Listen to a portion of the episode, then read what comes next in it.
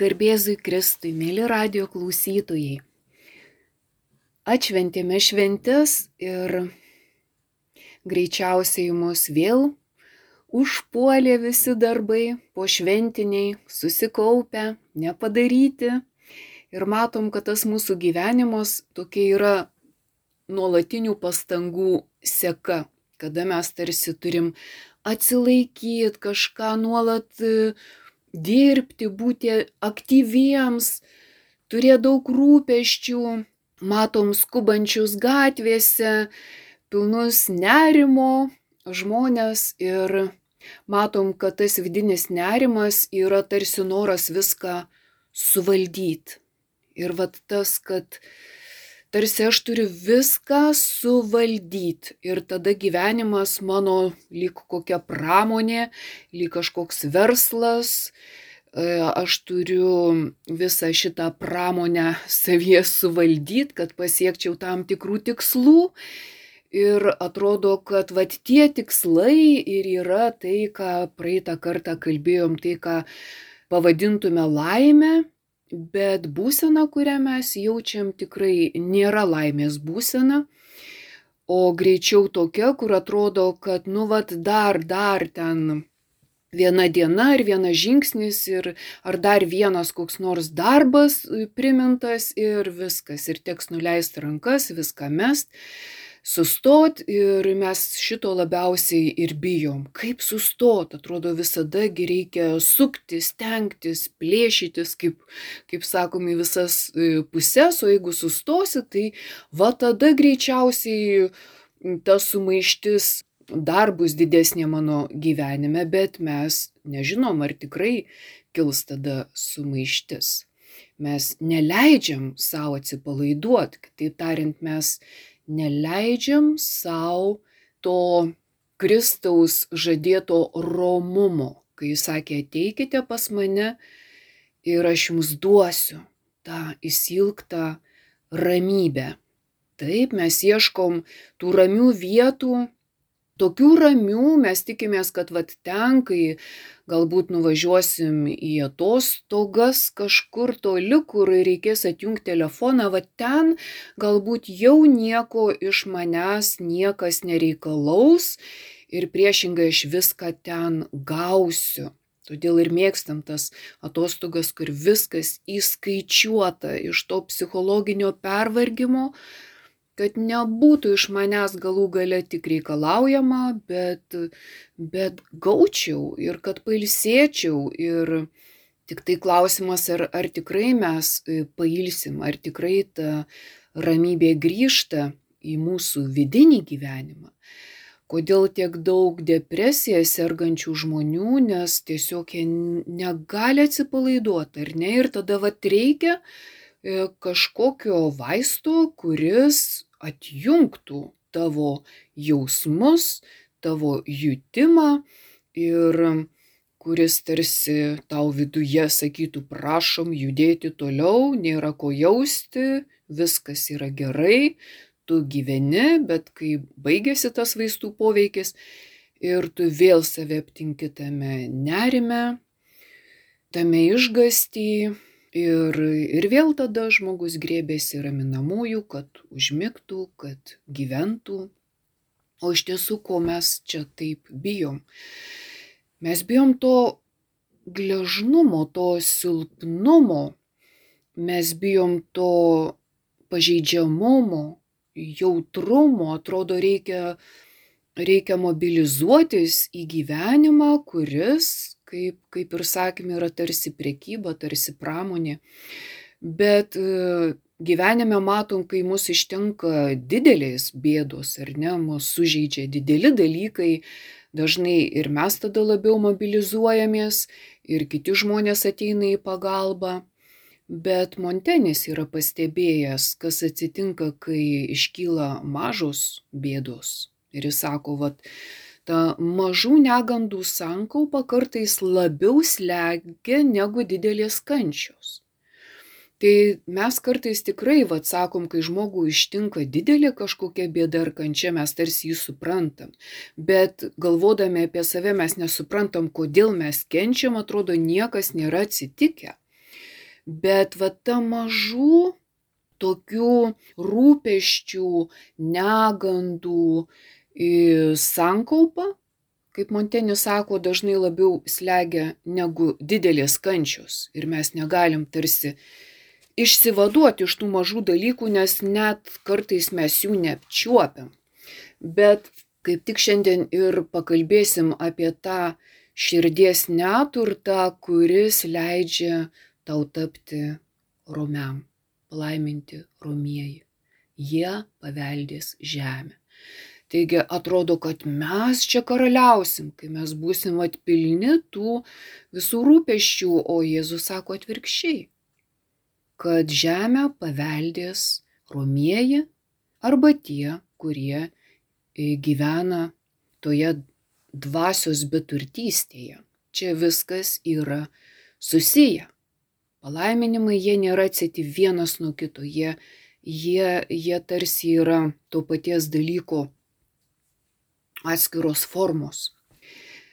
Tai šiaip pasaulyje gyvenančiam žmogui, kuris kalbėtų apie ramybę, tai kaip jis taiko, kaip jis ieško tos ramybės savo kasdienybėje. Ir dažniausiai mes tikrai vengiam tų konfliktų, Bet pasaulyje mes labiau aptinkam to romumo karikatūrą, o, o ne, netikrą vidinę ramybę. Kitaip tariant, taip, nereikia ten nieko išpykdyti, nereikia sakyti kitam to, kas jam nepatinka, reikia vengti tokių susidūrimų.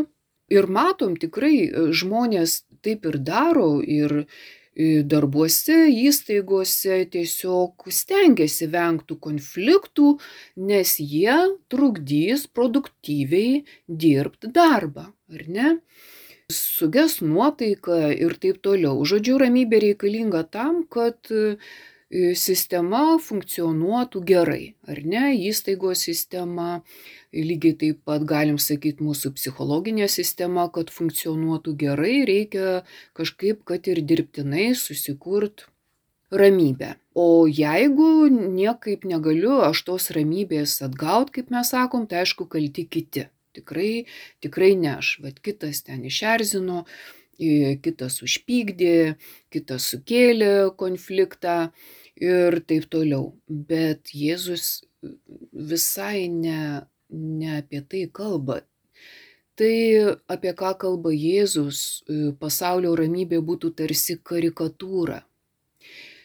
Nes mes norim atrodyti ramus, mes tengiamės atrodyti ir elgtis ramiai. Bet mes žinom, kad dažnai už to ramaus dirbtinio veido ir netgi dirbtinės šypsenos, ten slepiasi labai dideli neramumai. Taigi evangelinis ramumas su pasaulišku ramumu nieko neturi bendra, nes tai, apie ką kalba Jėzus, jis nėra tas influenceris ar ne, kuris irgi visas dirbtinis ir rodo ramius dirbtinius dalykus ir sako, atsekit mane ar ne, čia bus labai įdomu, parodysiu įdomių, įspūdingų ramybės gaminimo būdų. Ne. Demonui visada patinka visokios karikatūros, pasirodymai, atrodymai ir romumo karikatūra tikrai gali būti ir šėtoniška, bet tuomet, kai mes tik stengiamės atrodyti dirbtinai ramus, tai iš esmės mes esam tie veidmainiai. Mes nesam tokie, bet kaip sakytume, aš esu, nu, kaip išprusęs žmogus, mandagus ir taip toliau, tai todėl aš ir esu vat toks. Bet su nuoširdumu čia nieko bendra nėra, net prieš save nesam nuoširdus. Ką kalbėt apie atvirą širdį kitam, ji yra labai uždara, nes man reikia saugot savo ramybę. Tai vad apie kokį tą romumą kalba Jėzus. Ir čia galim net Senąjį testamentą prisiminti. Apie Mozę buvo sakoma, atskaičių knygoj, kad Mozė buvo labai kuklus žmogus kuklesnis už bet ką kitą visoje žemėje. Kuklesnis už visus. Mozė, kuris tikrai buvo skirtinis, vedė e, visą tautą, taigi vadas, taigi turi būti labai stiprus, taigi jisai e, tarsi turėtų ir nebijo demonstruoti tą savo galę, jėgą, pasitikėjimą, o sakoma, kad jis buvo labai kuklus žmogus. Bet Mozė nebuvo tas e, kartais, e, kai, kaip mes galim neteisingai įsivaizduoti, ramus žmogus, tai kaip moliuskas. Nu, toks vad, kai grybas sužlebęs, tai ką jau ten e, belieka, jau, jau ten jis ir ramus. Bet jis tikrai netoks ramus buvo, bet kilniai ramus, kaip mes sakytume. Jis turėjo ramę širdį. Jis buvo tyros širdies, ar ne, nes rami širdis yra ir tyra širdis. Ta širdis yra ir atvira. Širdies atvirumas ir yra tokia būsena, kai tu nebijai, kad kažkas tau atsitiks, kažkas tave įžeis, nes uždarai širdį jau galvodamas, kad va taip gali atsitikti, kažkas gali man pakengti, tai apie kokią čia ramybę tada gali kalbėti, jeigu tu jau esi savy e, neramus. Bet e, iš tiesų, vat, e, dar jeigu mes prisimintume dėl įdomumo Samsoną iš Senojo testamento, irgi teisėjų knygoj, taigi ten sakoma tokia istorija, kad Samsonas užmuša liūtą, ar ne? Samsonas užmuša liūtą, bet po kurio laiko pastebėjo, kad liūto greučiuose yra įsitaisęs bičių spiečius.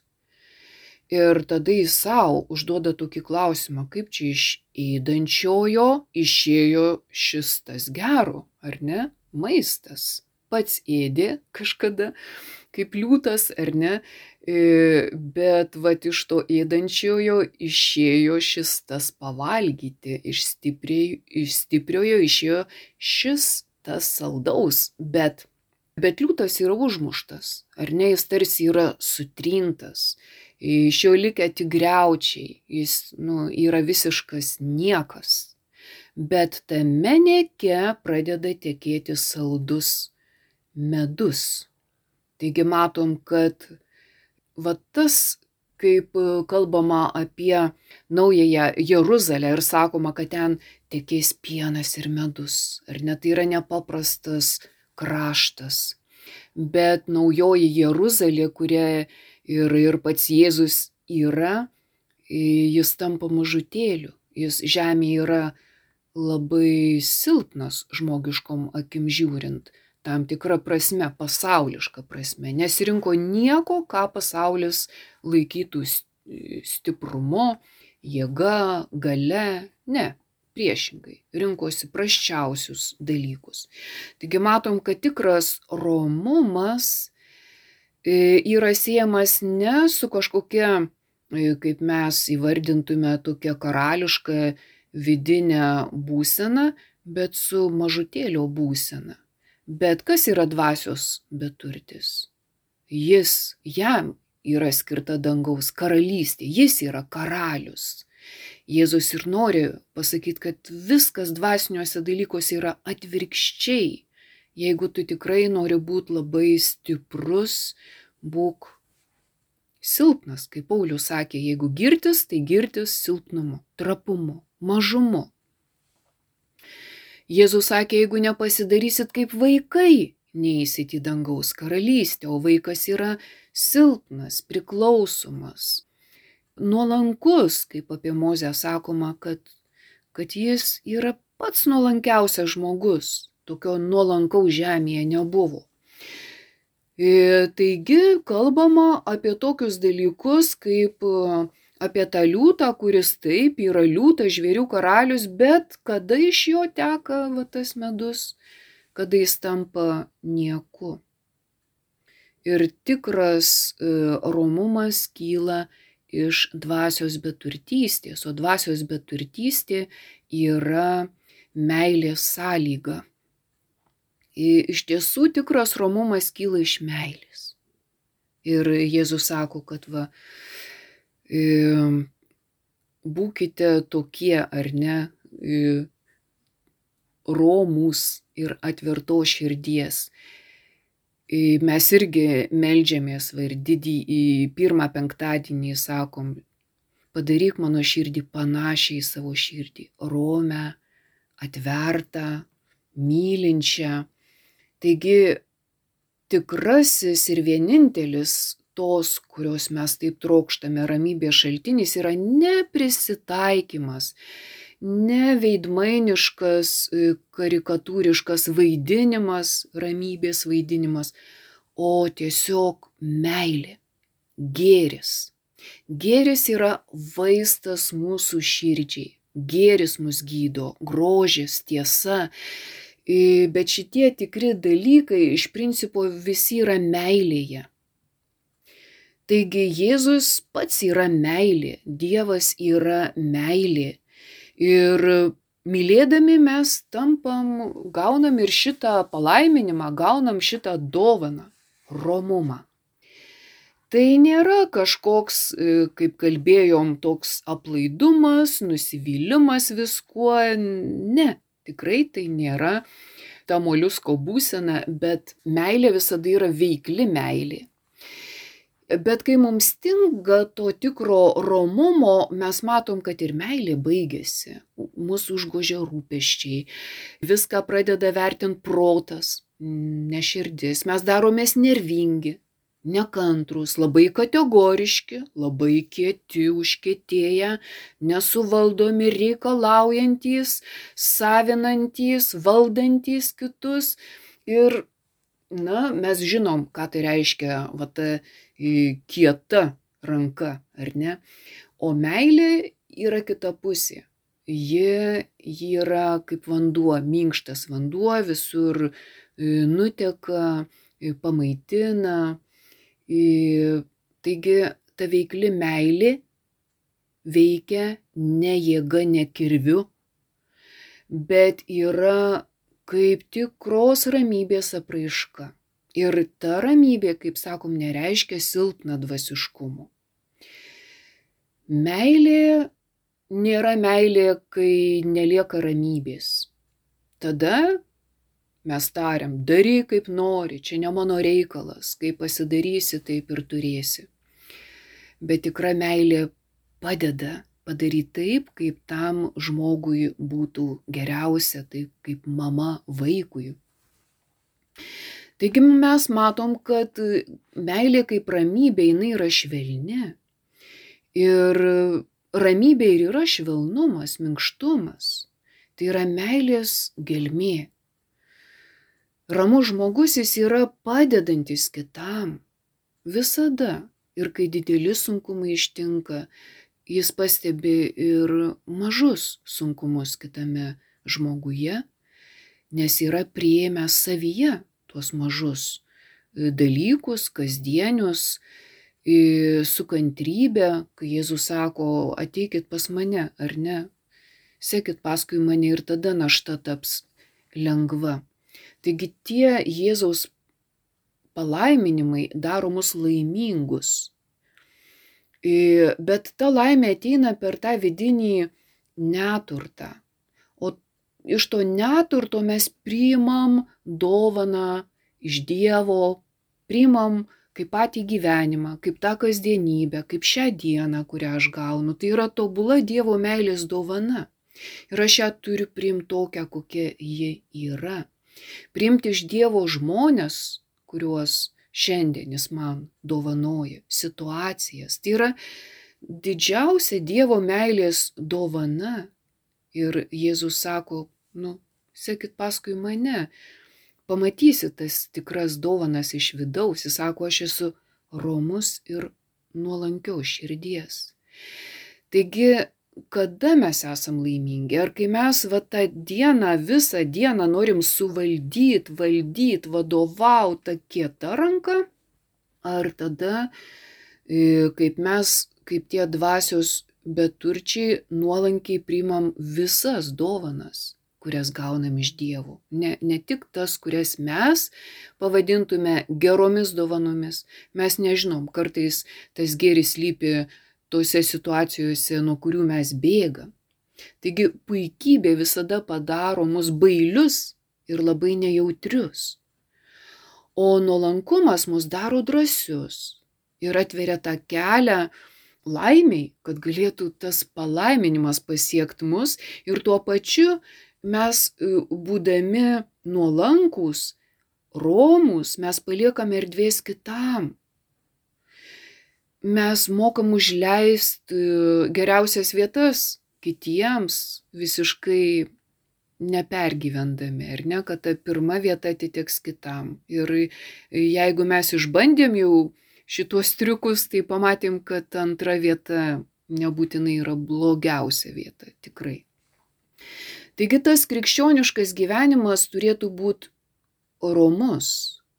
Oromus todėl, kad mes, kaip kalbam, nebijom palikti erdvės kitam, mes mokam daryti dovanas taip, kaip Dievas daro dovanas mums, ar ne? Tai kaip jau kalbėjom apie tai, daryk kitam taip, kaip Dievas daro tau. Tai mes galim viską daryti dėl Dievo garbės ir kitų gerovės. Ir va čia, kai kalbėjom apie tą liūtą, ar ne, kuris pavirto tik greučiais, to niekuo, tai va ta Samsono mislė iš tikrųjų jau skelbė Jėzaus ateimą. Jėzus yra tas judo liūtas, ar ne jis yra karalius, kurio laukė, bet e, tik tai po jo mirties suprato visą Jėzaus ateimo prasme, net ir tie, kurie arčiausiai buvo su juo, kai jau jo kaip ir neliko, ar ne, ta žemiška e, prasme, bet tada ir pamatė, kad nieko nebuvo žemėje stipresnio už Jėzų. Kad šis sunaikintas liūtas, ar ne, ir toliau duoda tai, kas geriausia - medų. E, medus tai yra Jėzaus gailestingumas, meilė, jo atverta širdis. Ir ta Jėzaus atverta širdis yra savanoriška dovana. Atvert širdį. Jis yra ne tik liūtas, jis yra ir tas avinėlis, tai yra ramybės simbolis avinėlis. Jis yra karalius, ar ne, bet jis yra avinėlis, kuris vedamas į skerdyklą nesigina. Taigi, Jėzaus meilė yra nenugalima meilė, jis yra ir kilniausias karalius, bet iš liūto jis tampa vinėliu. Jis yra tas pirmas dvasios beturtis, kaip pavyzdys mums, kaip liūdėjimas. Ir kas čia laimi? Laimi avinėlis. Taigi palaiminti dvasios beturčiai, palaiminti tie vargdieniai, avinėliai, kurie Kristaus dvasę skleidžia. Kristus yra ramus, jis yra didžiausios meilės liūdėjimas šitoj žemėje. O mūsų ta žmogiška prigimtis ilgisi meilės, nes jis sukurta meiliai, sukurta mylėt. O meilė ir yra ta nešanti e, dvasinį derlių. Ir jeigu mūsų gyvenimas yra skurdus, tai tik todėl, kad mes tokojam meilės. O romiesiems yra pažadėta ta e, visa žemė, ar ne? Jie, jie paveldė žemę, tą derlingą, nešančią vaisius ir matom, kad Jėzus Kristus, kuris savyje talpina dievišką ir žmogišką prigimtį, mums yra kaip labai tinkamas pavyzdys dėl savo žmogiškumo. Kaip galima būnant žmogumi, išmokt mylėt, tapt romiu, nuolankiu ir čia surast laimę. Jėzus nerodo, kaip įvykdyti didžiausius žygdarbius, kaip tapti didvyriu, ne. Jis rodo, kaip Kirkegoras sako, kaip reikia tapti tikėjimo riteriu, kaip reikia nebijot numirt už patį gėrį, kad jis būtų atneštas į žemę. Ir matom, kad iš tiesų ta ramybė yra visur, kur buvo Jėzus. Kad ramybė yra ir Marijos vidinis gyvenimas. Marija, jinai buvo pilna malonės, pilna ramybės, bet tuo pačiu ji taip pat buvo trapi, tuo pačiu jinai buvo ir niekam nežinoma, tai nebuvo influencerė, kur šiais laikais, kas mums labiausiai ar ne mus vilioja, sukelia pavydą, nu kaip vat tie influenceriai e, sugeba gyventi, kad e, tokiais tampa ar ne. E, iš tiesų nėra žymesnio turbūt žmogaus šito žemėje kaip Marija. Lygiai taip pat galim čia prisiminti mažąją Teresėlę, kuri labai jauna mirė ir visą savo jaunystę praleido vienuolynę, kaip niekam nežinoma, bet ji yra visiems žinoma, kaip apkeliavus po mirties visą pasaulį. Ir matom, kad ta tikroji didybė, ta, tas liūto karališkumas lepiasi avinėliai. Ir Jėzus dažnai tą avinėlį kaip, kaip pavyzdį vis primena. Ir matom, kad Marijos romumas yra kai, nu, visiškas, visiškai nesavanaudiškas, kaip tuo avinėliu, kuris e, tikrai eina pasiaukot ar ne, paukot save, išsaugodama savyje tą romumą. Taigi ir Jėzus pirmiausiai kieno rankas atsiduoda. Prie jo yra Marija, Juozapas ir yra piemenys. Jėzus pasauliui e, atsiduoda pirmiausia per piemenis, ar ne? E, gyvulėliai ir piemenėliai yra jos pirma tokia socialinė apsuptis e, šalia Marijos ir Juozapo. Ir jie visi yra labai ramus ir nesavanaudiški. Taigi tas Juozapo romumas irgi atsiduodant Dievo veikimui rodo jo dvasinę beturtystę. Ir tie piemenėliai, jie tikrai yra beturčiai. Jie patys pirmi pakviesti į tą stebuklingą kalėdų šventę, kuri pirmiausiai pilna ramybės. Ten vyrauja ramybė. E, visų šypsena yra pilna džiaugsmo ir ramybės. Jie yra vienas dėl kito. Toks romumas pasauliu nėra būdingas, nėra įprastas kad atrast jį gyvenant vienam dėl kito. O tas vienam dėl kito romumas ir liūdėjimas kalėdų naktį. Tarsi parodoma, čia yra romumo šaltinis. Čia pradeda veikti meilė ir tekėti į pasaulį.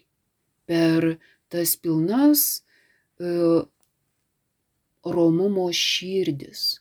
Taigi vėlgi galim nukeliauti į Senojo testamento mokymą, kur sakoma, kad e, dėl gimtosios nuodėmės įsigaliojo žmoguje puikybė.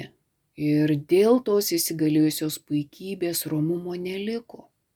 Mūsų vidus gyvena gundimais, mūsų vidus gyvena įniršiu ir geismu, prievarta ir taip toliau. Mes žinom, kaip veikia puikybė. Tai ji turi daugybę demonų. Ne, tai nėra vienas veikiantis vienodai. Puikybė turi labai daug formų. Kiekviena nuodėmė yra puikybė.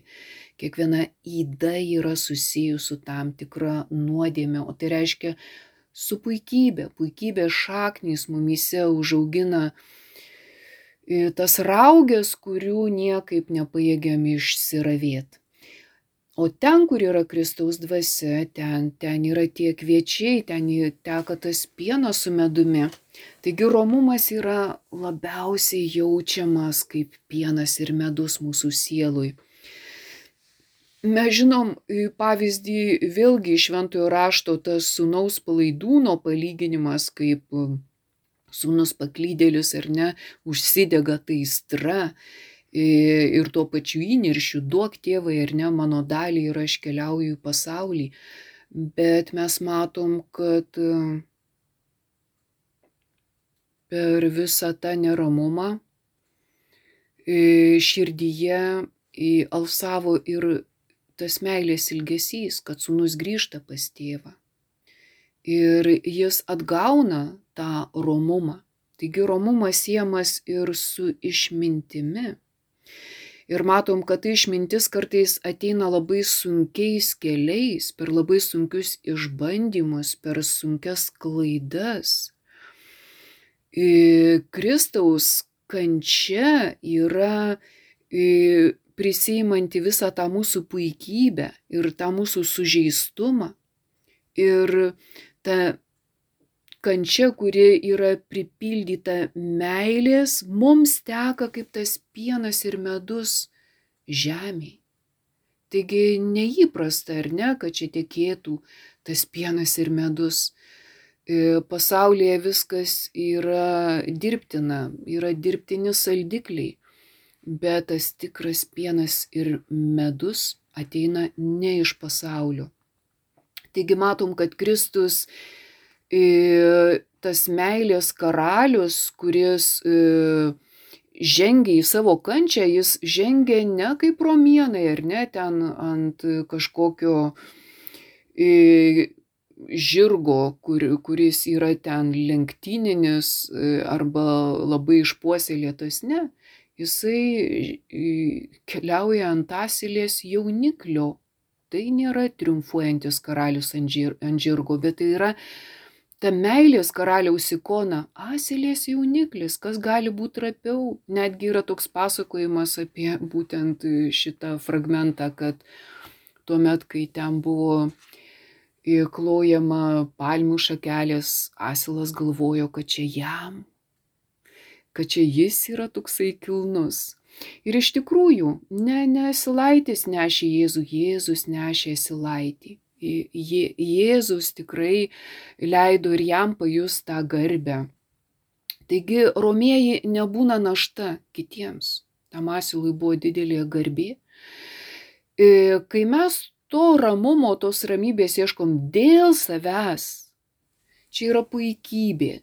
Net ir tokios ramybės paieška yra puikybės paskatinta. Mes tada spaudžiam kitus. Tai kaip tu čia elgiesi su manim, kad ma, aš prarandu ramybę būdama su tavim, ar ne?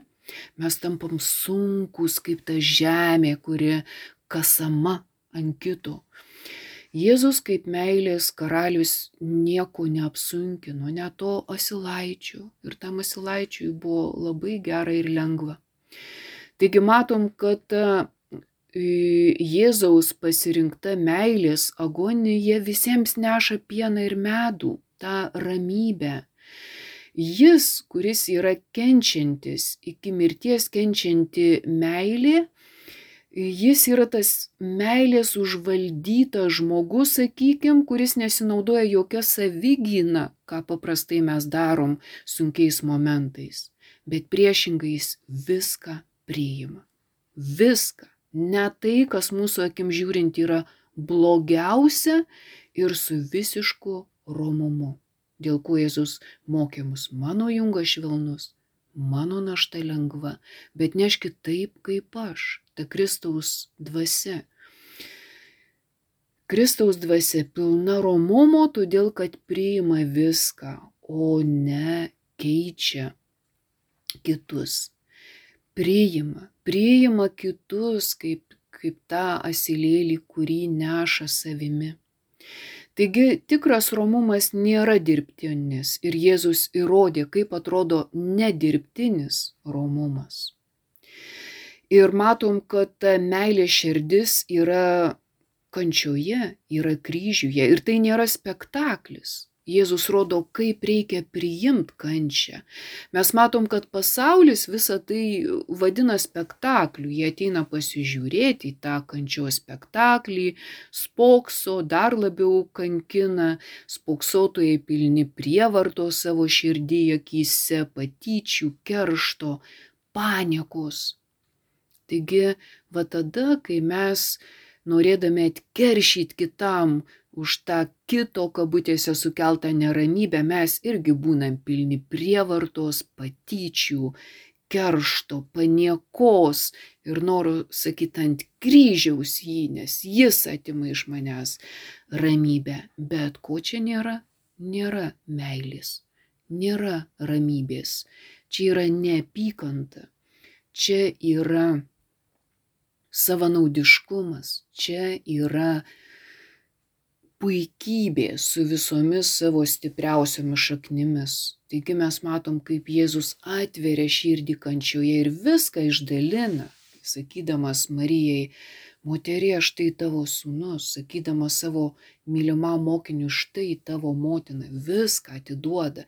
Ir vad ta momente Jėzus, Marija, Jonas yra bažnyčios gimstanti lastelė meilės kūno lastelė. Bažnyčia yra meilės kūnas. Ir va tas meilės kūnas, jis yra šviesa, apie kurią kalba Jėzus, kuri ne, niekaip nebus ten užgesinta, uždengta, kad ir kaip kas kovo su bažnyčia, ji yra šviesa, kuri skirta pasauliui.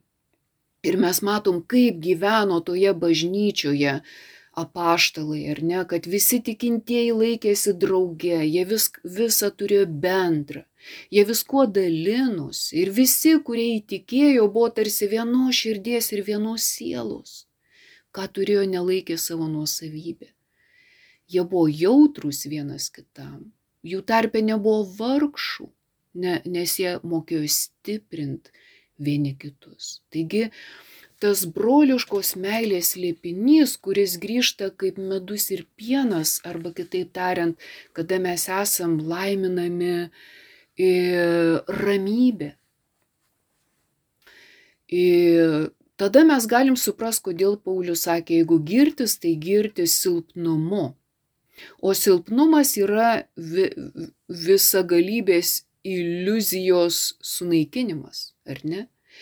Kad tiesiog dažnai mes norim būti tais visagaliais ir galvot, man niekas negali atsitikti mano gyvenime, viskas turi būti gerai, visi turi čia dėl manęs stengtis, bet visada, kaip pradžioje kalbėjomės, tokioje būsenoje esam pilni nerimo. Bet jeigu girti silpnumu, tai reiškia, reikia priimti tą silpnumą, kaip Kristus su didžiausia meilė priima kryžių ir nesivaduoja iš jo. Taigi, kai mes priimam silpnumą, tada mes tiesiog tampam išmintingi ir žinom, kad tikrai viskas gali atsitikti kad gali būti labai sudėtinga, visko gali būti, ne viskas bus pagal mane, bet tas silpnumas mus išmoko realiai ma matyti, atsimerkt. Tada mes matom silpnesnius už save, tą vaiką gležną, tą senstantį žmogų šalia manęs, mes e, priimam tą bėgantį laiką ir mes priimam viską, ką su tuo laiku gaunam. Ir tai reiškia, kad mes išmokstam priimti gyvenimą. Tik romio širdies žmogus yra išmintingas ir išmintingas todėl, kad moka priimt gyvenimą, ne jį nustumt, nebėgt nuo tokio gyvenimo, kokį jis gauna kaip dovana, o priimti ir atsivert. Tuomet mes nebijom pasaulio. Mes galim atsivert pasauliui tokiu būdu jį gydydami, pavojai išnyksta. Tiek, kiek mes atsiveriam kitiems, tiek kiti atsiveria mums. Ir būdami kartu, taip kaip ta pirma bendruomenė, ta pirma bažnyčios lastelė mes galim išgyventą laimę, kad gyvenam, kad esam kartu. Taigi ar gali būti didesnė laimė už tą Jėzaus palaiminimą, kuriuo mes galim dalintis, jeigu norim tos ramybės savo dovanokit kitiems. Ir, ir tada ta laimė pasaulyje gali būti didesnė negu, negu kas negu stipriųjų, tarsi per prievartą grūdama, kaip mes sakom, demonstratyvi ta laimė per karus, per prievartas, per žudimus, per, nu tai, ką mes dabar matom. Ir iš tikrųjų Jėzus, pavyzdžiui, avinėlį stato, ne liūtą. Liūtas turi sunykt, bet liūto greučiuose, kaip tam pasakojama apie Samsoną, jis pamatė, kad liūto greučiuose pradėjo bitutės savo darbą nešt metų. Tai nebijokim rinktis tą priešingybę pasaulio siūlomai galiai, nebijokim taptais dvasios beturčiais, ne tais galingaisiais ir tais stipriais, bet tais dvasios beturčiais, kurie iš tikrųjų ir gali tapti ramybės oazę. Ne tik savo, bet ir kitiems. Taigi gyvenkim tais Jėzaus palaiminimais ir gerkim juos kaip pieną ir medų, nes tokia yra Dievo karalystė, į kurią patenkam per tą dvasios beturtystę. Taigi tokios ramybės linkiu ir savo, ir jums visiems. Su Dievu.